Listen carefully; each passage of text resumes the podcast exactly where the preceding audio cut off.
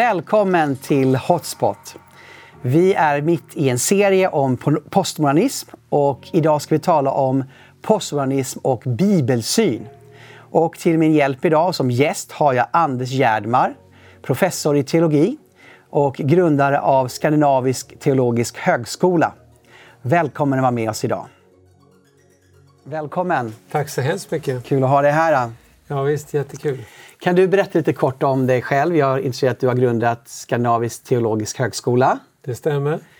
Eh, det skedde för sex år sedan. Jag har tidigare jobbat inom eh, Livets Ord University. Mm. Faktiskt 20 år, så det är 26 år då som jag har hållit på med att undervisa teologi. Mm.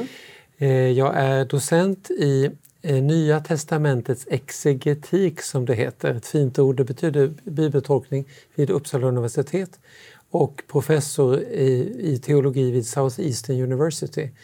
Eh, vi har ett samarbete med dem. Det ligger väldigt fint faktiskt i Florida. Just det. Eh, Lakeland, Florida, väldigt fina, fina vidder där med många, många sjöar och palmer och allting sånt där. Så det är inte alls så dumt faktiskt. Nej. Och du är också tidigare prästvigd, du har varit luthersk präst. Ja, då. jag prästvigdes 1980 och jobbade som präst i fem år ungefär nere i Småland. Mm. Det hörs på dialekten. Ja. Så det är en stockholmare och en smålänning som pratar här. Precis. Ja. Jättekul att du är här, eh, Anders. Ja. Och jag är väldigt nyfiken på hur postmodernismen har påverkat bibelsynen och eh, teologin ja. framför allt. Ja. Eh, vi kanske kommer komma in på hur den påverkat kyrkan överhuvudtaget. Men nu ska vi tala framförallt på bibelsyn och ja. teologi. Eh, kan du beskriva kort eh, kanske också vad som föregick den postmoderna eh, bibelsynen? Vi har ju talat i den här serien om postmodernismen, är ju en ganska ny företeelse. Men tankegodset bakom postmodernismen är ju inte något nytt utan det har pågått ganska länge. Ja, eh, man kan dela upp faktiskt eh, den hela bibeltolkningshistoria i förmodern, modern och postmodern. Mm. Och då måste man veta vad man menar med modernitet. Modern, när vi tänker modern, ja men har du en modern skjorta på dig, ja men då ser du inte ut som, liksom på, som du gjorde för tio år sedan. Men när vi pratar om modernitet då pratar vi om en, ska vi säga, en, ett, ett jättestort skifte, ett paradigmskifte kan man säga. Totalt kulturskifte som skedde i västerlandet med början, ska vi säga, ungefär år 1700. Vi pratar om upplysningen. Och upplysningen och moderniteten, det är, de är ungefär parallella begrepp. Så att innan upplysningen, innan moderniteten, så rådde egentligen en total ska vi säga, samstämmighet vad det gällde synen på Bibeln i den kristna församlingen.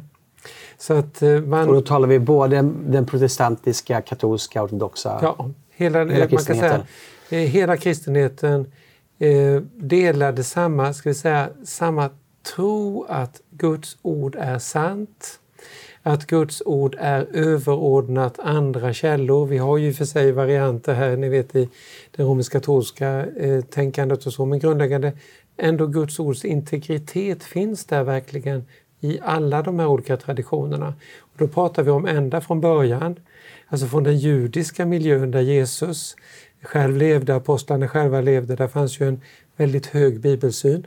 En mycket radikalare bibelsyn faktiskt än, än jag vet någon har idag egentligen. Och sen går det ju genom kyrkofäderna och hela vägen upp till medeltiden och sen med reformationen som ju lyfter fram eh, skriften ännu, ännu starkare då med det här med sola scriptura, mm. alltså skriften alena. Då upplevde ju Luther med flera att, att den romersk-katolska kyrkan hade släppt in andra tankar som hade blivit man kan säga fått för mycket utrymme vid sidan om Bibeln. Mm. Och därför vill man betona skriften alena, det är bara skriften som är sanningen. Och då är vi ju någonstans, eh, vi är på 1520-talet när det här sker och så att säga under 100 år, 150 år ungefär så råder en, en kan vi säga, protestantisk eller reformatorisk ortodoxi, renlärighet. Både på lutherskt håll och på det, i den kalvinska delen av av protestantismen. Och där är bibeltron superviktig. Sen kommer det en ny rörelse, det är väldigt intressant, som kallas för pietismen. Och pietismen den gör lite uppror mot eh, den här ortodoxin, den här väldiga renlärigheten. Mm. Och det, man kan förstå det på ett sätt för den här ska vi säga, reformatoriska renlärigheten det ledde till oerhört mycket också strider inom reform, den reformatoriska miljön.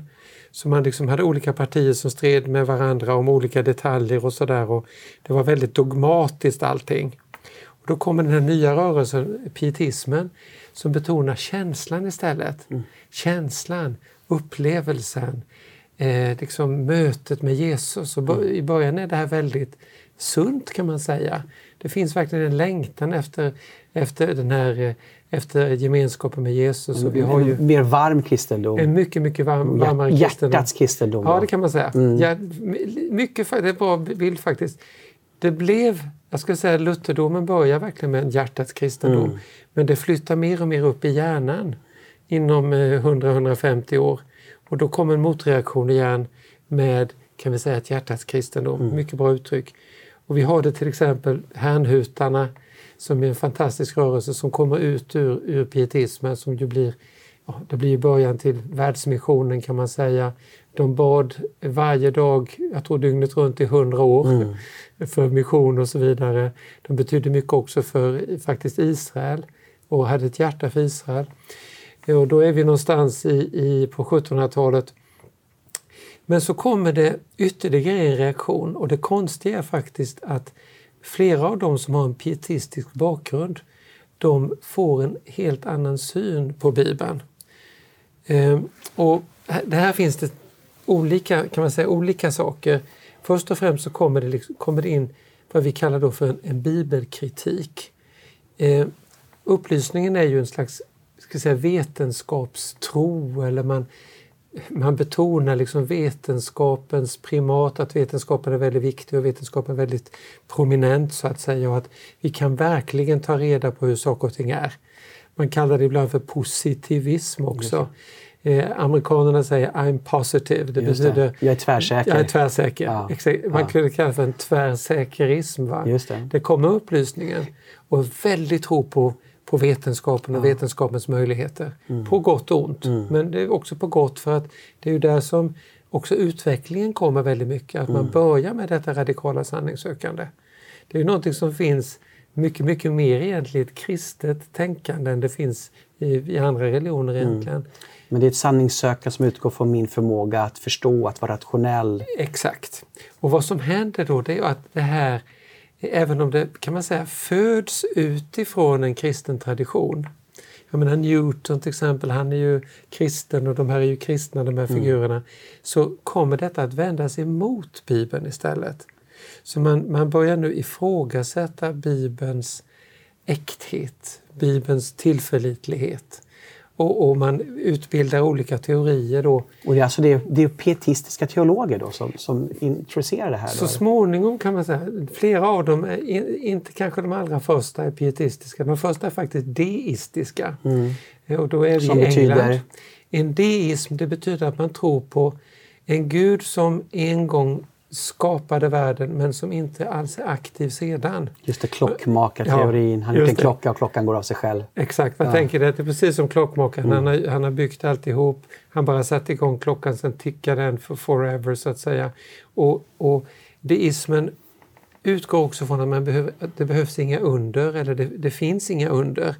Ingenting övernaturligt kan hända. Eftersom Gud har övergivit sin skapelse. Ja, både det och att klockan funkar jättebra ändå. Ja, det. det bara tickar på så att säga. Mm. Och detta är då eh, deismens tanke och den här så småningom, den börjar i England, den planteras över i Tyskland så småningom. Eh, och där blir den ännu starkare kan man säga än i England. Impulserna kom, kommer faktiskt från England men den, den, landar i Tyskland och i den miljön så skapas också den här ska säga, en väldigt intellektualistisk trosriktning också. Och den börjar också då vända sig mot Bibelns tillförlitlighet. Mm. Och då, då, då, börjar man applicera de här tankarna att okej, okay, om nu då det inte finns några mirakler, ja men då kan ju inte Jesus vara jungfrufödd till exempel. Nej, och, och man, man plockar också bort sådana här tankar som synd, skuld, straff, behovet av en försonare, behovet av ett försonande blod på Golgata, eh, uppståndelsen, alla naturunder, till exempel detta att, ja, att Jesus kunde gå på vattnet. Mm. Det blir liksom en Nej men det stämmer ju inte alls. Men det är ganska intressant att du har människor som då är kristna kommer, är kristna utifrån en kristen tradition, utifrån bibelberättelserna, men tar till sig en idé som då inte är klart uttryckt i, i Bibeln, deismen, och den blir en större, får ett tolkningsföreträde ja. framför Bibelns berättelse och tillintetgör då Bibelns berättelserna. Ja, det kan man säga. Mm. Och eh, vad som händer då det är att man steg för steg utvecklar man en, en, en bibelkritik där man ifrågasätter Eh, ja, man börjar till exempel med, eh, dels är det naturligtvis Jesus och hans under ifrågasätter man Eh, och har olika teorier kring varför man... Eh, då, då, tänker de så här att här har vi liksom Jesus som en, en, som en eh, historisk figur. Man pratar också om den historiska Jesus som om han vore någon annan än Bibelns Jesus. Man ställer dem emot varandra och sen pratar man om kyrkans Kristus. Man menar så här då att den kristna församlingen av olika skäl fabricerade en massa stories om Jesus som inte faktiskt är sanna. För dem var Jesus helt enkelt en, en vishetslärare. Han gick omkring där och luktade på blommorna och, och kunde säga se på liljorna på marken och, och, nu ska vi leva på ett gott sätt. En, en hippie-Jesus alltså? Kanske inte så mycket hippie-Jesus som en, eh, ska vi säga, en, en etisk, väldigt etisk vishetslärare. vishetslärare mm. Den där tanken finns fortfarande kvar mm. faktiskt i, i bibelforskningen. Mm. Eh, men då ställer man, har man en väldigt stark motsättning mellan Bibelns Jesus, eller vad säga historiens Jesus, mm. som de kallade det då, och Bibelns Kristus. Och de här tankarna utvecklas sen på olika sätt i historien. Så, så man kan säga vad som händer med upplysningen är att det kommer in rationalism. Vi vet ju det med upplysningen att eh, vad man gjorde till exempel i Frankrike det var att man ställde man, I Notre Dame som en kyrka där tog man bort altaret och ställde man fram förnuftets gudinna ja, istället. Va? Mm. Det är precis detta man gör mm. i, också i bibelforskningen.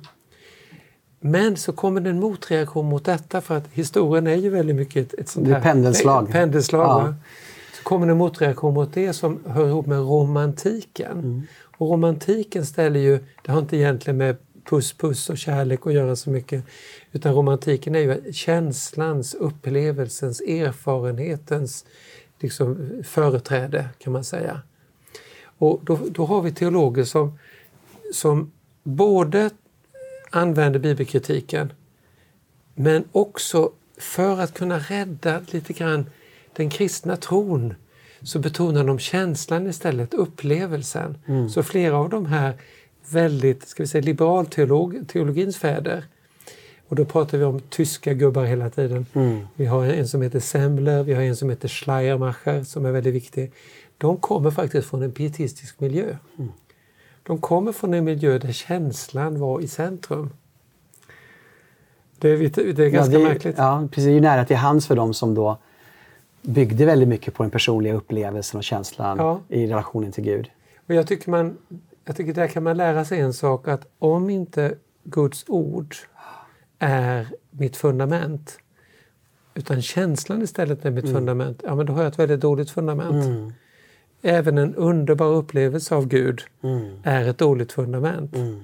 Men ordet är ett solitt fundament som alltid funkar? Ja, alltså jag känner, när du pratar om det här så, så, så, tycker jag, då drar jag parallell till karismatiken faktiskt. Ja. Att karismatiken, den karismatiska rörelsen bygger ju väldigt mycket på upplevelserna, ja. lovsången, gudsnärvaron, bönesvaren, ja. relationen. Visst. Jag håller helt med dig. Och där ser man en fara då att vi har ju faktiskt, det finns ju faktiskt till exempel karismatiska gayförsamlingar. Mm som alltså är, de är gay. Mm. De kan inte se detta i Bibeln att det är, är fel, vilket Bibeln är ganska tydlig med. Eh, eller mycket tydlig med. Utan känslan, upplevelsen, karismatiken kan liksom öppna upp för vad som helst. Va? Mm.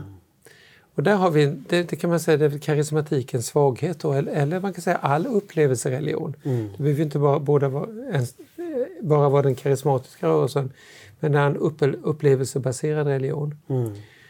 så i alla fall vad som händer nu, det blir långt det här men, men det är ändå en, en viktig bakgrund. Då har vi varit i det förmoderna mm. där, man, där Bibeln ger hela världsbilden, man tror att Bibeln är Guds ord och man litar på Bibeln fullt och fast. Och det gör hela kristenheten fram till år 1700. Så kommer den här, det här moderna in eh, som är upplysningsorienterad teologi. Och så börjar det skapa, ska vi säga, en, en alternativ jag skulle säga faktiskt en alternativ religion nästan. Mm. Ibland kallar jag det för den akademiska religionen. Jag håller på att skriva en, en bok om just det här nu så det är därför jag är väldigt full av detta. Men den, akademiska religionen som blir nästan som en egen, egen tankevärld. Mm. Det är inte Bibelns Jesus längre utan det är den här vishetsläraren mm. och så vidare. Va? Och då blir det ekokammare inom akademin så, så blir det en ekokammare mellan teologerna då kanske? Ja, det blir ju. Mm, att man, man, man lever lite grann i sin, sin egen bubbla. värld. Då, mm, mm. eh, och det, det, kan också bli faktiskt så att den här bubblan kan egentligen bli ganska isolerad. Just det. Men den här bubblan med de här eh, tankarna, den sprider sig ändå för teologerna de utbildar ju de kommande prästerna och prästerna undervisar ju folket. Så att eh, när de sitter och, och, funderar, de här teologerna och, och, och spetsfundiga och så vidare, så slut så i det stora breda folklagret också. Ja, men visst, det är ju så va? Att, att eh, rent historiskt är det faktiskt så att teologiska seminarier har ett oerhört inflytande över historien. Just det. Eh, det tror man inte, man kan tänka vad sitter de och gör där i sitt mm. lilla seminarium? Men de, de påverkar påverkare kan man säga. De tänker tankar åt andra. Ja, de tänker tankar. Och de här då, mm. man, man, kan säga eh, den här professorn som sitter liksom vid sitt skrivbord och mm. formulerar mm. sina tankar. Ja, vad kan det ha för kraft? Jo, men det kan ha en oerhörd ja. kraft. Och eh, vi säger som Schleiermacher då, han mm. var ju centrum i ett, ska vi säga, intellektuellt liv i Berlin på sin tid. Man hade sina lärda salonger där han inte bara påverkade eh, teologer utan också påverkade andras kulturpersonligheter och så vidare. Mm. Så att eh, bibelforskning, sen blir det mer och mer radikal kan man säga så att vi får fler och fler radikala eh, bibelkritiker ju längre tiden går. Det finns flera namn där men vi behöver inte ta upp alla namnen. Men, men bibelkritiken blir mer och mer intensiv. Mm. Fram till vi har, eh, vi kan ju nämna ett namn, Rodolf Bultmann, Eh, som hade sin ska vi säga, storhetstid på 20-talet, 30-talet, 40-talet i Tyskland, Marburg. Han eh, går ju så långt så att han pratar om att vi behöver en avmytologisering av kristendomen. Han, han resonerar så här, som låter lite festligt för oss idag. Eh, för jag är inte säker på att alla som ser det här programmet vet vad en transistor är. Men när jag växte upp så fanns det transistorradio och transistorradion det gjorde det möjligt liksom att, att lyssna på radion. Ja, eh, det förmedlade kraft på ett sätt som gjorde att man kunde ha en radio i alla fall och lyssna på den. På hans tid, och vi säger 30-talet, var ju detta en innovation. Mm. Det var det häftigaste. Liksom, vi pratar om 5G nu. Mm. Det var liksom 5G på den tiden och då säger han Jo men i den här tiden när liksom människor har, har en transistorradio eller i transistorns tid då måste vi översätta evangeliet på ett sätt som kan tala till den moderna människan. Därför måste vi avmytologisera evangeliet. Vi måste ta bort undren, vi måste ta bort jungfrufödelsen, vi måste ta bort uppståndelsen, vi måste ta bort allting, allt det övernaturliga, änglarna, eh, demonerna, allt det här det är ändå, menar han, någonting att slänga på sophögen. Det är ingenting som är aktuellt idag. Gjorde han det av ett motiv att han inte trodde? Eller som vi talade tidigare om, att man ville rädda kristendomen i en modern tid? Han gjorde det av det senare skälet. Ja. Det var vad jag brukar kalla för en misslyckad apologetik. Han ville försvara kristendomen genom att förändra kristendomen. Mm istället för att faktiskt förkunna kristendomen som det var. Han gick faktiskt så långt så han sa till sina studenter att och han fick enormt inflytande i, i hela världens teologi kan man säga.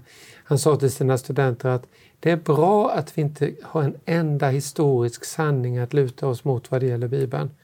Vad gäller Jesus, för då är det bara tro, sa han. Okay. Så att han tänkte liksom att ja, vi ska inte ha någonting historiskt att luta oss emot. Sen är det lite intressant när vi då kommer, när vi pratar nu om, om eh, de här olika faserna, det förmoderna och det moderna och det postmoderna. Att man kan säga att på ett sätt så finns han mitt i skiftet in i det postmoderna. Mm. För, för, förstadiet till det postmoderna. För att han är nämligen väldigt eh, influerad av Martin Heidegger mm. som var en mycket, mycket tung eh, filosof i Tyskland. Han var ju, eh, ja... Väldigt helt, svårförståelig. Oläsbar. Jag ja. har faktiskt i min forskning varit tvungen att läsa en del och det är oerhört svårt. Ja, så att hans skrifter är omgärdade av taggtråd. Ja, ja, ja, ja. de är otroligt krävande att läsa. Ja. Eh, och dessutom var han en väldigt märklig person för att mm. han var ju också en etablerad nazist. Mm. Så att han kunde förena sin märkliga filosofi med att faktiskt vara en, en öppen nazist. Mm. Så det var ju det läskiga med honom. Det var faktiskt inte Bultmann. Bultmann var tydlig antinazist. Mm. Men han var väl egentligen Heideggers främste lärjunge. Eh, och han eh, bidrog, eh, Heidegger bidrar till fundamentet för, för postmodernismen kan man säga.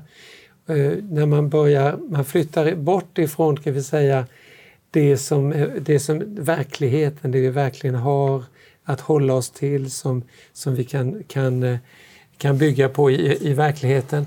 Och så eh, blir det en, en, en egenskapad filosofisk verklighet eh, som han sysslar med. Och sen vet, som, ni har ju sysslat mycket i andra program också med postmodernismen. Sen har vi då de här namnen Derrida till mm. exempel som är inspirerad av Heidegger. Så Heidegger finns bakom okay. det här då, som börjar luckra upp eh, fundamentet kan man säga. Ja. Sen är vi inne då i, i, så småningom in i postmodern bibeltolkning. Men den hade inte kunnat komma till utan att man först hade ska säga, rivit ner mm. Eh, ska vi säga, Bibelns trovärdighet eller försökt riva ner den. Och då när man rivit ner Bibelns trovärdighet som då ger väldigt tydliga läror och tankar kring hur världen fungerar så blir ju då också kyrkan, den har inga försvarsmekanismer mot tidsandan längre. Det är en väldigt bra poäng. Jag låt mig ta en liten tur tillbaka till 30-talet. Man kan säga att liberalteologerna eh, de eh, var väldigt inflytelserika i Deutsche Christen i Tyskland. Alltså, eh, om man tittar på Deutsche Christen som rörelse, den, den, som var den nazistiska kyrkliga rörelsen och som ju fick Hitlers välsignelse i Tyskland. Du har väl forskat i det här ämnet? Va? Det här är ett av mina specialområden kan man säga. Jag har skrivit en bok om eh, just eh, rötterna till den teologiska antisemitismen. Ska vi se till att vi har det som ett boktips här i ja, texten ja, efteråt. Ja. Roots of theological antisemitism. Mm. Eh, just där så ser vi då att den liberala kristendomen den kunde bonda och knyta sig samman med nazismen. Mm. Men det kunde inte den, den konfessionella kristendomen. Ja, alltså de, den Bekenntniskirche i, i Tyskland, som den bekännande kyrkan, de gick aldrig lika långt. Mm. Till exempel kunde då eh, liberalteologerna de kunde säga ja men låt oss skippa Gamla testamentet, det är ändå en gammal judisk bok, den behöver vi inte bry oss om. Det är inte viktigt att Jesus var, var judisk till exempel, utan vi, vi säger att Jesus inte var judisk utan var arier istället. Mm. Vi hade en svensk teolog som till och med sa att Jesus hade troligen något, ett, ett nordiskt germanskt eh, blodsdroppe i sina ådror. Så långt gick man alltså. Ja. Men, men detta hade inte kunnat ske om man hade Bibel, haft Bibeln som grund. Man hade aldrig kunnat plocka bort Gamla testamentet. Man hade aldrig kunnat göra om Jesus. För att Jesus var ju historiskt sett judisk naturligtvis. Mm. Det är så intressant att den liberala teologin, den har just inte, det var så jag kom in på det här, va? den har inte de här stoppblocken. Nej. Den har inte de, jag, jag ser liksom framför mig vissa pelare som du aldrig kan flytta på. Mm. Kan aldrig flytta på, på eh, Gamla testamentet. Du kan aldrig flytta på liksom, grunderna i Bibeln. Va? i en, i en eh, sund kristendom. Det. Men det kunde man i det liberala. Det första programmet vi hade här på Hotspot, då hade vi Torbjörn Aronsson. Han talade utifrån man som heter Richard Neighbor, om man uttalar det rätt, ja, eh, som, som hade då fem olika modeller som församlingen kunde förhålla sig till samhället. Och en av modellerna var då identifikationsmodellen, att man just försöker identifiera sig själv och hitta så mycket gemensamma nämnare med samhället ja. som möjligt. Och då med en sån här liberal teologisk syn så, så, så hela tiden då faller man ju då offer för de här kulturyttringarna. Ja, och Tyskland var det då att man helt enkelt det blev en nazistisk kyrka då med ariska ja. Jesusbilder. Och... Ja visst. Eh, det började man kan säga redan på 1800-talet så har vi detta just att, att liberalteologin går i en symbios med ska vi säga, eh, den, kulturprotestantismen talar man om, alltså som är en symbios mellan eh, en, en ska vi säga, högborgerlig kultur där faktiskt också kejsaren hade en plats och liberalteologin. Ja. Det gick jättebra att kombinera. Ja. Och nu kunde man då kombinera liberalteologin istället med nazistisk teologi. Mm. Eh, så att där har vi väl en, en svaghet måste jag säga i hela det teologiska konceptet. Att eftersom det inte finns några absoluter, det. det. finns inte sant och falskt, det finns inte rätt och fel, ja men då kan vi inte heller försvara fundamenten i, i kristen tro eller fundamenten i, i mänsklig existens. Jag menar att vi, eh, vad har människovärdet för fundament? Mm. Jo, men att vi är skapade till Guds avbild. Mm. Det står i Bibeln, Gud säger det. Det är det som gör att vi vet att all, varje människa är oändligt värdefull. Mm.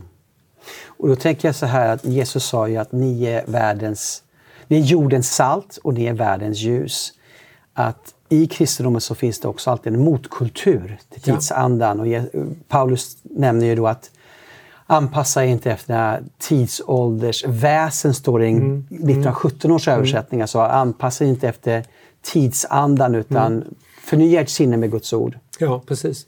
Jo, och när kristendomen tappar den här, ska vi säga, man pratar ibland också om den profetiska ja. rollen, att kunna verkligen tala till kulturen, utmana kulturen. Mm. Man gör som Natan gjorde när han kom till David, när David hade syndat. Mm. Och Natan kommer och nitar kungen mm. och säger så här kan du inte göra. Mm. Det måste den kristna församlingen kunna göra. Mm. Och det kan hon inte göra liksom i sig själv utifrån sina egna liksom, små förmågor.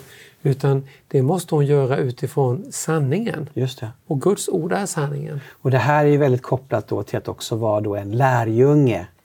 Att, att betala ett pris eh, och att våga, våga komma i konfrontation jag tänker i våra dagar så det väldigt mycket om relevans. Mm. Och relevans kan ju betyda att man, att man kan kommunicera på ett bra sätt. Mm. Men relevans kan ju också innebära att man börjar anpassa sig. Så det är lite farligt att tala om det där. För att ja. Det kan rätt slå över i att man, man, vill, in, man vill vara till behag. Ja, visst. Mm. Jo, det, det, man kan säga att det är en sjukdom som har funnits eh, gång på gång i kristna ja. historien faktiskt. Ja. Hur man, man tar fram... Eh... Ska vi snabbspola nu till ja. postmodernismen så ja. vi kommer in på den. Just det. Eh, vad, hur då, när postmodernismen kommer, på vilket sätt påverkar det eh, hur blir det nästa steg i, i den här teologin och bibelsynen? Om vi säger så här då att modernismen är ett, ett slags vetenskapstänkande eh, som, som säger det finns en sanning och här är den. Och man kan säga att bibelforskningen präglas av detta också väldigt mycket i moderniteten. Att, att man, man tror att man kan komma fram till en sanning om man liksom hävdar den här sanningen och man liksom, ja, eh, och eh, man, man säger så här och si och så var det med den historiska Jesus och så vidare. Och man kan vara väldigt eh, bibelkritisk. Men postmodernismen bryter ju upp det vetenskapsidealet. Postmodernismen gillar ju inte den här tanken att det finns en sanning. Mm. För finns det en sanning, jo men då, är jag ju, då måste vi ju alla underordna oss den sanningen. Man skulle egentligen kunna säga så här att postmodernismen är egentligen ett ett enda stort uppror mot auktoriteter. Ja, mot, ska vi säga, den stora berättelsen. Alltså att, att det finns en övergripande berättelse som till exempel eh, Bibeln. Bibelns berättelse om vem är en människa och så vidare. Det som vi har från Första Mosebok till Uppenbarelseboken och liksom hela den kristna världsbilden. Det, det, vill man ju inte se. Man gör uppror mot, mot olika sådana här saker och man gör också uppror mot att det finns en sanning. Och därför en sak som är fundamental då för ska vi säga, postmodernismen när det började här, för det utvecklas under tiden också, det är ju en pluralism. En tolkningspluralism. att nu är det inte längre så att det finns en tolkning, utan det finns många tolkningar. Man brukar säga anything goes, allting är möjligt. Mm. Och det här har, man kan säga det är djupt förankrat egentligen i hela det filosofiska tänket som vi har i, i postmodernismen.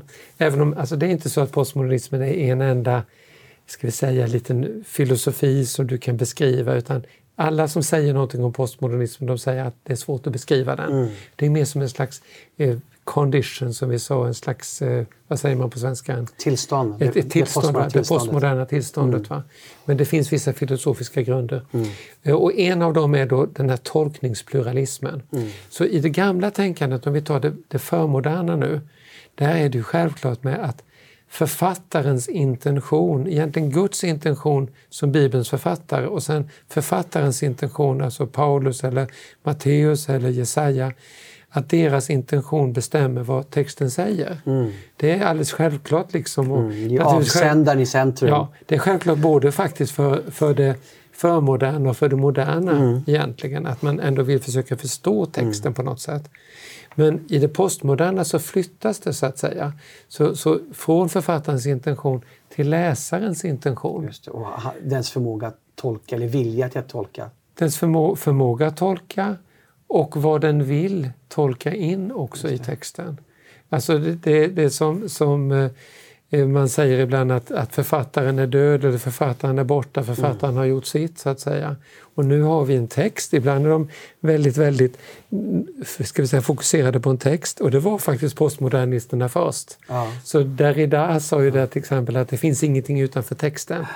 Liksom hela texten är på något sätt världen. Va? Logocentriska. Ja, mm. ja, väldigt betoning på texten. Men, men sen så visar man ju också då, eller menar man då också att det finns en finns en, en frihet för tolkaren att tolka utifrån sitt tänkande. Och då har du mm. antingen, dels kan du tänka så här att, ja, först säger man väl så här egentligen att all tolkning är ju värderingsbaserad. Mm. Och det är ju sant. Men, men var inte också det där dekonstruismen, att man vände texten emot författaren? Det gör man ju också. Va? Så att tolka, den som tolkar, den som läser blir ju auktoriteten. Ja, exakt, så kan man säga. Och samtidigt har du med dekonstruktionen att man, man så att säga ska, ska bryta ner de här fasta strukturerna. Man, man tittar, han tittar till exempel på det här med det, det binära är det värsta som finns mm. för honom, alltså att det bara finns två. Mm. Och då, då ska man bryta upp det binära men också så ska man vända på det binära. Så det binära är till exempel manligt, kvinnligt, där mannen har varit, har varit härskare. Mm. Men då ska vi vända på det här så att mm. säga. Och vi tar svart och vitt och vi säger svarta, vita. Eh, de vita har varit härskare. Mm. Då ska vi vända på det, det blir en mm. konsekvens av det här så att säga.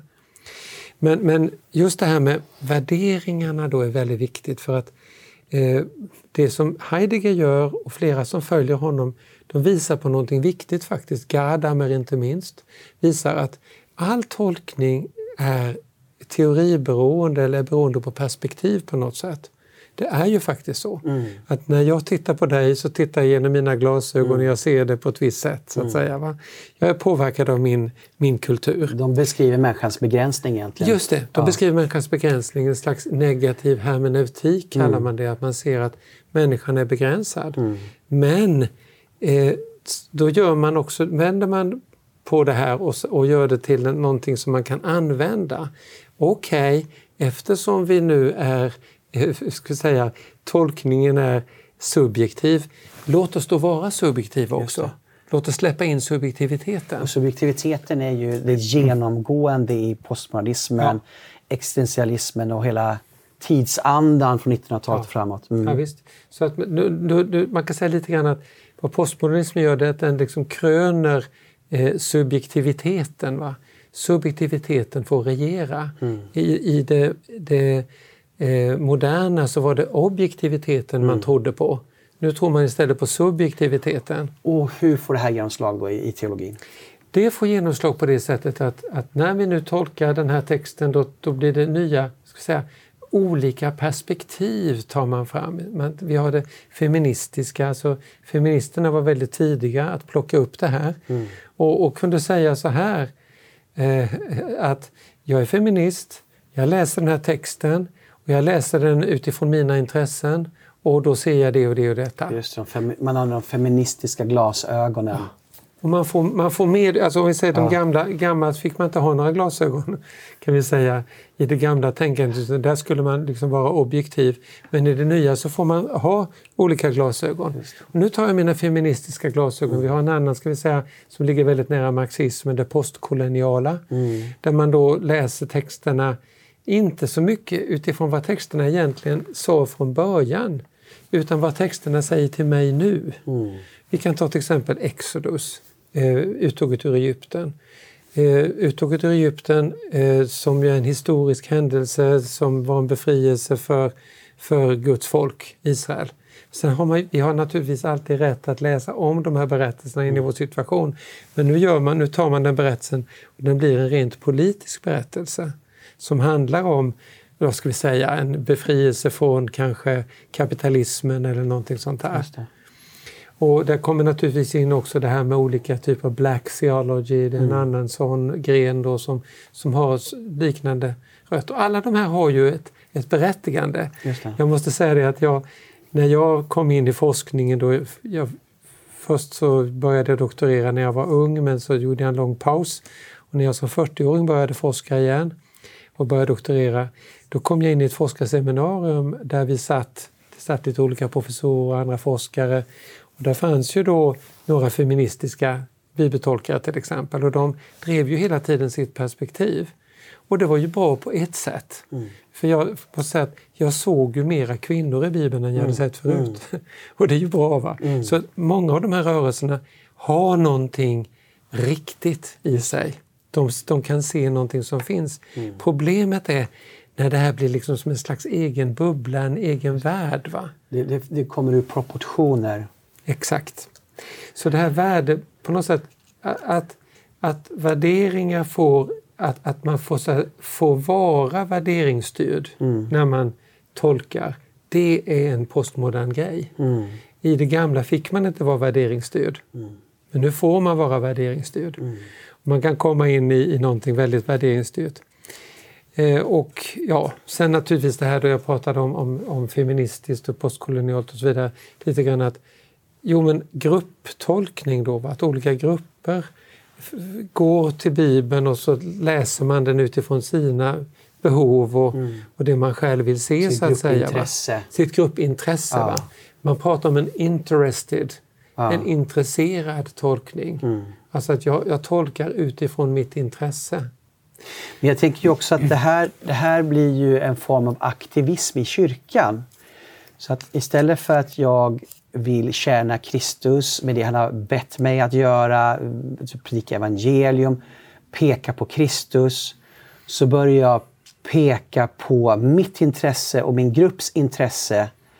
Och, och, och många börjar då brinna för de här frågorna istället för att brinna för, för evangeliet och evangeliets spridande och hur det kan hjälpa människor. Jo, men det är precis det, det, det som är risken då, att det också blir en slags vad ska vi säga, att det blir en uppdelning i olika partier, olika rörelser och så här och man måste liksom eh, man måste då tillfredsställa de här olika grupperna så att säga. Mm.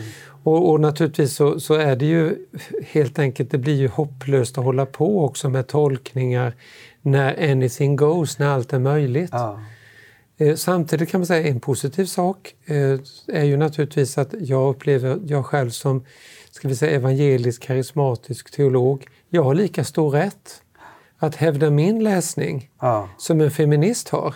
Naturligtvis har jag. Men jag vill å andra sidan inte överge det klassiska vetenskapsidealet. Mm. Jag tror på detta, att göra allt man kan för att försöka förstå verkligheten mm. genom vetenskap, även om jag förstår dess begränsningar. Anders, kan du kort berätta igen om religionsteologi, vad, vad det är för någonting? För det är någonting vi ser händer i, i, i vissa kyrkor i världen, ja. även katolska kyrkan men också en del protestantiska kyrkor. Ja. Kan du beskriva religionsteologin? För den, den, hänger ihop med det här tycker jag. Ja, man kan säga att den passar väldigt väl in i the postmodern condition, alltså det här ja, po, post, postmoderna tillståndet, det pluralistiska. Tanken är ju då att, att det finns en gud, jo, och, och, om bara någon religion säga, talar om Gud så eh, är det samma Gud hela tiden. Och den romersk-katolska kyrkan de gjorde ju i andra Vatikankonciliet så eh, skrev de ett dok dokument som heter Nostra Aetate och överhuvudtaget öppnade de för religionsteologi, för tanken att visserligen ska man, man kan inte säga att de totalt överger exklusiviteten i Jesus, för det gör de inte. Mm. Vi ska vara schyssta, men de öppnar upp för detta som har gjort till exempel att, jag tror det var förre påven som hade bönesamlingar med, med muslimer till exempel. Mm. Och kanske med buddhister. Och, och, tanken är då att nej, men det finns inte en sanning ytterst. Det är det religionsteologin går ut på. Mm. Om jag hävdar att Jesus är enda vägen, mm. då anses jag vara väldigt smal och väldigt snål. Det är väldigt märkligt eftersom Jesus själv gör ett sånt starkt sanningsanspråk ja. när han säger jag är vägen, sanningen och livet. Ja, så man, man överger ju, som jag ser det, sin uppdragsgivare. Jag håller med dig helt och hållet, men det här är väldigt eh, det är väldigt allmänt och vi har till exempel det här begreppet de abrahamitiska religionerna som ju i och för sig ligger någonting i att mm. man har en slags rot i Abraham. Mm. Men det betyder ju inte att Gud och Allah är samma person. Nej. Utan eh, om man läser till läser Bibeln och Koranen, då ser man att ja, det är två helt olika religioner, mm. två helt olika värdesystem. Det finns till och med i Koranen en otroligt djupgående kritik mot kristendomen. Ju. Precis, den som förbannar den som säger att Gud har en son. Ja, Precis. Så att eh, religionsteologin eh, den passar väldigt väl i det postmoderna tillståndet kan Just man säga. Man har pluralism och man har inte problem heller då som vi har tagit tidigare i här programmen med inkonsekvenser och motsägelser. Eh, man säger att vi har samma gud och muslimer och kristna ja. och så kan det ändå säga att Mohammed hade inte mer, mindre rätt än Jesus. Nej. Jag tror det var ärkebiskopen som sa det, ja, okay. nuvarande. Ja. Att, att, vem har mest rätt, Jesus eller Mohammed? Jag vet inte om jag citerar rätt. Ja. Och så svarar hon inte på frågan. Eh, fast då Mohammed säger att Gud inte har en son. Så det är en väldigt tydlig motsägelse. Ja, någon visst. måste ju ha rätt, någon måste ju ha fel. Någon måste ha rätt och någon mm. måste ha fel. Men, men det här är typiskt. Jag kan ju säga det att eh, jag tycker nog man kan säga att eh, våra två senaste ärkebiskopar till exempel, alltså KG Hammar, alla tre kanske, men KG Hammar, sen var det Vejryd emellan som inte var så tydlig kanske. Och sen eh, Janti Jackelén mm. har ju haft eh, mycket av ett också slags postmodernt tänk, var väldigt mm. öppet så här. Och det, är inte det, det är inte de här absoluterna som finns i biblisk mm. teologi eller biblisk tro, utan det är liksom en, en, en öppenhet. Så att eh, vad som händer här är ju också att eh, man kan säga att det postmoderna utvecklas ju. Mm. Så att det, liksom, det finns en slags eh, historia här, det blir mer och mer radikalt kan man säga. Mm. Hur man nu använder den här tolkningsöppenheten. Mm. Så vi kan ju ta ett exempel, om vi tar nu, vi kan gå in på det här till exempel med eh, Postmodernismen är ju väldigt mycket syskon till den sexuella revolutionen. De går ju hand i hand. Verkligen också så att många av företrädarna är ju så att säga drev tanken på en gränslös sexualitet. Mm. Så att de här hör, hör, samman hur mycket som helst egentligen, de här två strömningarna. Eh, och då kan man ju se, till exempel när vi läser Bibelns texter som handlar om eh, äktenskap, kön, vi kan bara ta kön. Jag menar, enligt Bibeln så finns det två kön. Mm. Idag är det nästan radikalt att säga att det två, finns två kön. Just det. Men i Bibeln är det väldigt tydligt. Men i postmodern eh, bibeltolkning och teologi så kan man sudda i det här så att mm. säga och, och, och, öppna upp för att det kan finnas fler kön och vi ska inte vara så absoluta och definitiva. Och det kallas för queer-teologi? Ja, queer-teologin, eh, den Queer betyder ju egentligen, en tolkning av det är faktiskt besynnerlig. Ja. Det är liksom att man tillåter sig att vara besynnerlig. Man tillåter sig att gå liksom utöver gränserna och den är ju normkritisk. Ah. Man vill eh, bryta ner normer. Mm. Och jag vet första, den första eh, queer-teologiska avhandlingen jag läste, faktiskt av en kollega i Uppsala, den handlade om Ruts bok. Mm. Och Rut och Nomi. Mm. Och då var den, det är ganska intressant för att Eh, kan du bara kort repetera berättelsen om Rut och Nomi? För det som inte kan känna till berättelsen som ja. lyssnar på oss just nu. Rut och Nomi, det handlar om, om Rut som är moabitiska. alltså kommer från ett annat folk än, än judafolket och Nomi som är judinna. Och Nomi hon flyttar till sitt eh, hemland när hennes man dör. Som är, eh, hon kommer till Betlehem faktiskt. Eh, och eh, Rut är så, eh, ska vi säga, tillgiven Nomi så hon väljer att lämna sitt eget folk och följa med Nomi till, till det nya folket. Hon var ju svärdotter då? Till ja, hon, hon, var, hon var svärdotter, exakt. Och eh, de, egentligen har de, socialt ligger de ganska risigt till när de mm. kommer dit. De hade liksom ingen försörjare egentligen. Mm. Så blir ju detta då så småningom en, en love story mm. mellan Rut och Boas. Mm. Eh, och eh, det, det, slutar faktiskt med att de får ett, ett barn. Eh, de gifter sig, de får ett barn och detta det barn blir sedan stamfader till David, mm. kung David. Och man, bibelforskarna menar kanske att det är därför Ruts bok också finns där, just för att David var en sån viktig, viktig person, mm. Gamla testamentet. Så i alla fall, den här avhandlingen nu då, ganska typiskt tycker jag när man läser queer-teologi och man läser, tar, man läser Judith Butler som är en viktig eh, inspiratör här. Filosof, mm. oerhört intellektuell, oerhört smart och oerhört förvirrande att läsa skulle jag vilja mm. säga. Alltså det är, väldigt, det är ett överteoretiskt, alltså postmodernismen älskar teori, mm. älskar krångliga, fantastiska eh, liksom, eh, utläggningar och så här. Så läser man Butler så tycker jag man ganska snabbt blir vilsen. Men i alla fall när man läser den här boken då eh, om Rut, Ruts bok, då är den, det är väldigt luddigt, det är väldigt svårgripbart. Men det hela går ut på att, att visa att det är fullt möjligt att Rut och Nomi skulle ha haft en kärleksrelation. Mm. En lesbisk kärleksrelation. Ja, en lesbisk kärleksrelation. Mm. Eh, och detta blir det här är egentligen, tycker jag, väldigt tokigt om man läser Ruts bok. Det finns ju ingen som tidigare i historien någonsin tolkat den relationen som lesbisk förrän queer-teorin kommer på 90-talet. Och där har du en, en väldigt viktig poäng. Mm. Alltså det är lite grann av av att vi anpassar oss efter denna tidsålders väsende. Mm. Hade inte postmodernismen kommit, hade inte den sexuella revolutionen Nej. kommit, queer-teologin kommit, då hade inte detta hänt heller. Mm. Men eh, det roliga med Ruts bok är ju då att jag tycker faktiskt, om ni ursäktar här nu, att det är en ganska heterosexuell mm. berättelse egentligen. Verkligen. För tänk nu här att här kommer denna eh, Nomi då som en en, en gammal och vis kvinna och säger gör nu så här att du tar du och, och duscha och parfymera dig ordentligt och snygga till dig och klä dig riktigt fint. Och sen när, när Boas eh, är trött efter att ha jobbat hela dagen så lägger du dig vid hans fötter, mm. står det. Mm. Det kan även tolkas som att hon låg lite längre upp också, mm. mm. de där orden. Mm. Och, och, där någonstans, ja men okej, okay, han vaknar där och så ser han denna fantastiska kvinna mm. Oj, oj, oj, vad är detta? Mm. Och så slutar det då med denna fina love story. Mm. För mig är det faktiskt en väldigt fin heterosexuell eh, love story, mm. helt enkelt. Men eh, queer-teologin liksom bröt upp det här då. Va? Mm. Och vi har ju fler sådana exempel också. Mm. Vilka alltså, fler exempel har vi? Ja, vi har ju naturligtvis, jag kan faktiskt visa en bok här mm. Eh, som är utgiven av, vi ska se här, den heter Gud är större. Gud är större. Eh, och eh, ett material om tro, HBT och sånt. Det var innan Q riktigt kom mm, in mm. i vokabulären. Nu säger man ju HBTQI minst. Just det. Eh, och det här är då utgivet av Kristna studentrörelsen, EKH, Liberala katolska kyrkan, Missionskyrkan, RFSL, RFSL Ungdom och så vidare som är någon slags arbetsgrupp bakom detta. Mycket märkligt.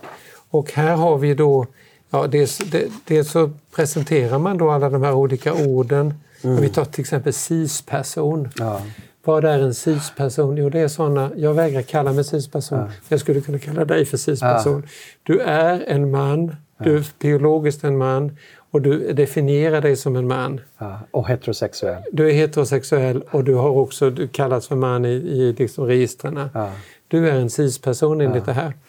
Och det, alltså de här begreppen som, som har kommit in då genom eh, det postmoderna, genom också hbtq har detta kommit in i, eh, i den kristna kyrkan. Här finns faktiskt också uttrycket queer förklarat. Mm. Queer är ett kritiskt förhållningssätt till heteronormen.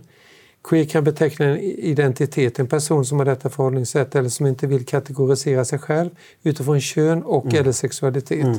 kan identifiera sig som queer. Och då kommer jag till mitt exempel här, samkönad kärlek i Bibeln. Mm. Och där har vi då, det faktiskt det första de nämner det är Jonathan, Jonathan och David.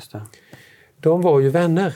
Mm. De var väldigt nära vänner och det är vackert det här med två mm. män. Mm. Vi, jag menar, vi har väl alla sett hur tjejer kan vara vänner. Ja, visst. Jag menar till och med tjejer som går på toan tillsammans ja, bara ja. för att de är kompisar. Eller hur? Det är ingenting mer. Men att killar kan vara så nära vänner som Jonathan och David var. Och då så ska jag säga, man sexualiserar mm. den här manliga vänskapsrelationen utan att ha bibliska stöd för mm, det. Det finns ju ingenting som stöder det. Utan, och det är väl som man säger att för, för, för, en hammare är allting en spik. Va? Alltså är man då översexualiserad i sin syn, ja. då blir allting sexualiserat, alla former av relationer. Exakt. Eh, och så har vi ju också en till som jag vill nämna, som är ja. autonomi. Sen har vi den här som jag tycker kanske på ett sätt nästan är den värsta. Ja. Officeren och tjänaren. Ja. Berättelsen om officeren här nu, vi har den i Lukas 7 till exempel. Eh, där, där man, då, man menade så här att officerer på den tiden i romerska armén de kunde mycket väl ha en, en, eh, både tjejer och killar som de hade sex med. Ah. Och att man liksom kunde ha tjänare, manliga tjänare ah. som man hade sex med. Utifrån denna möjlighet som fanns vid den här tiden så tolkar man det som att den här sonen nu mm. som eh, Jesus, eller tjänaren som Jesus mm. skulle, mm. det står faktiskt, ordet på grekiska faktiskt tjänare, mm. tjänaren som Jesus skulle bota, att det var också en sån här pedo, pedofilrelation mellan mm. officeren och eh, gossen då. Mm. Och man, man, man helt enkelt skriver fram detta och det gör man alltid på ett väldigt luddigt sätt. Va? Mm. Det är möjligt. Mm. Eh, I andra, eh, vi ska se här vad, vad, vad han säger. Va? att eh, i andra sammanhang säger Jesus till dem han möter, gå och synda inte härefter. Men här finns ingen sådan korrigering av mannens livsföring. Istället ställs han fram som en man med stark tro. Han får fortsätta sätta stort värde på sin tjänare. Här förutsätter man från möjligheten att en officer kunde ha en pedofilrelation till att denna officer hade en pedofilrelation till att Jesus sanktionerade, sanktionerade denna pedofilrelation. Ja, ja. Alltså har man då i ett kristet, kristet dokument sanktionerat mm. pedofili mm. med hjälp av Jesus. Alltså det är ett väldigt bedrägligt sätt och väldigt oärligt sätt att resonera. Ja. Och, och, eh, det går ju självklart i linje med det här att det är läsaren som avkodar texten, tolkar Exakt. från sina Exakt. subjektiva sätt. Eh, så man kan ju säga att väldigt mycket i kyrkan att är, man, är, man är postmoderna, man är, har inte ett kristet tänkande. Nej. För det förvirrar väldigt många människor. Vanliga människor som kanske har en tro, eh, de är inte kanske aktiva kristna, de går i kyrkan, men de, de identifierar sig själva med någon form av kulturkristendom blir väldigt förvånade över de här uttrycken i kyrkan. Vi hade en kyrka i Malmö som hade en altartavla där jag tror Jesus, eh, inte Jesus utan Adam och Eva var eh, homosexuella, mm. var transsexuella ja. i den här altartavlan. Jag tror det var två, av, två män, två kvinnor. Var ja, det? precis. Visst, visst. Och eh, vi har en bok som du har recenserat eh, under hösten också. Kan ja. du nämna lite kort om det? Yes, den här då som eh, heter Det heliga äktenskapet. Och när man först tit ser titeln så kan man tycka oh, wow, det här var ju bra att någon har skrivit mm. en, en eh, ska vi säga nästan ja, över 400 sidor tjock eh, eh, doktorsavhandling mm. i systematisk teologi om det heliga äktenskapet. Mm. En sån bok skulle jag gärna vilja läsa, mm. som verkligen går in på det här. Va? Mm. Och vad är slutsatsen då i den här boken? Egentligen är den insatt faktiskt i en diskussion i den finska evangelisk-lutherska kyrkan som nu håller på att bestämma sig hur man ska mm. göra med samkönade äktenskap. Mm. Och den här boken, nu menar den här författaren då att jo, hon, hon Emma Audas heter hon, hon, vill, eh, hon undrar, vet kyrkan egentligen vad äktenskapet är för någonting? Hon vill liksom fylla igen luckorna och, och, och fördjupa diskussionen om äktenskapet. Men hon gör det också, hon säger det att hon gör det från ett queert perspektiv. Mm. Eh, och eh, använder olika tankar här då. Gay theology, lesbian theology, queer-teologin använder hon som verktyg då när hon, när hon gör det här. Det här eh, eh, tar det här steget. Va? Och slutsatsen blir ju just det här, ska vi säga, att lösa upp vad det, ja, egentligen finns, till exempel säger hon faktiskt så här att Jesus var radikalt familjekritisk. Oj, hon hävdar det med stor bestämdhet. Ja, ja. Och då bygger hon det på det faktum att Jesus ju säger, det vet vi, han sa ja. så här vad är, vad är, vem är min mor och mm. vilka är mina bröder, vilka är mm. mina systrar? Men han blir ju väldigt selektiv. Jesus var ju också väldigt tydlig med kring äktenskap och skilsmässa. och var, var väldigt, väldigt kategorisk i de här frågorna. Ja, visst. Så att eh, man plockar ju russin ur kakan som, som man själv vill. Ja, och det intressanta är att inte bara att hon gör det, mm. utan att hon anser att hon får göra det. Just det. Mitt vetenskapsideal, det jag är tränad i, det är ju att vi gör allt för att argumentera för en, en så trovärdig tolkning som ja. möjligt. Och vi ju... underordnar den under ja. andra. Det blir väldigt oseriöst och faktiskt oärligt och vad ska jag säga, allting är helt enkelt agendadrivet det det. i den postmoderna världen. Jag ska bara säga slutligen också, här, vi, vi ska gå mot avslutning. Ja. Eh, det här eh, på något sätt så blir kyrkan ett offer för alla former av starka trender runt omkring. Vi ser också hur Muslimska brödraskapet eh, kopplar ihop med Svenska kyrkan och Svenska, Svenska kyrkan eh, understödjer eh, Muslimska brödraskapets utbredande i Sverige. Eh, Trosolidaritet som är då Socialdemokraternas eh, tidigare gren av kristna eh, socialdemokrater. Ja, ja. Nu har de idag en ordförande i Trosolidaritet som är muslim. Mm. Eh, hur kyrkan på något sätt, man blir försvagar sig själv när man inte har Guds ord som grund och, och blir, blir, bara följer tids, tidsvindarna hela tiden och troligtvis kanske också till slut går under mitt i detta. Ja, jo men det är väl just en, en kombination av, ska vi säga, den socialistiska agendan att dominera kyrkan, för kyrkan är en maktfaktor i samhället. Mm. Man ville dominera kyrkan och man har, man har så att säga lyckats göra det, man börjar på 30-talet mm. och så, och, eller ännu tidigare och så har man liksom lyckats dominera kyrkan idag. Mm. Så att mm. kyrkans liksom andra förste vice ordförande är väl eh, då en gamla LO-ordförande. Ja. Och det blir en väldig politisering. Men det. detta går ju också hand i hand ja. med det liberala. Precis. Anders, tack så jättemycket. Det var oerhört intressant och jag hoppas våra lyssnare också tycker det. Jag är helt säker på det. Vi tackar så mycket. Eh, vi har nästa gång så har vi ett samtal tillsammans med Anders Gerdmar och Stefan Gustafsson om postmodernismen och därmed slutar vi den här serien också kring postmodernismen. Tack så jättemycket och välkommen till nästa program med Hotspot.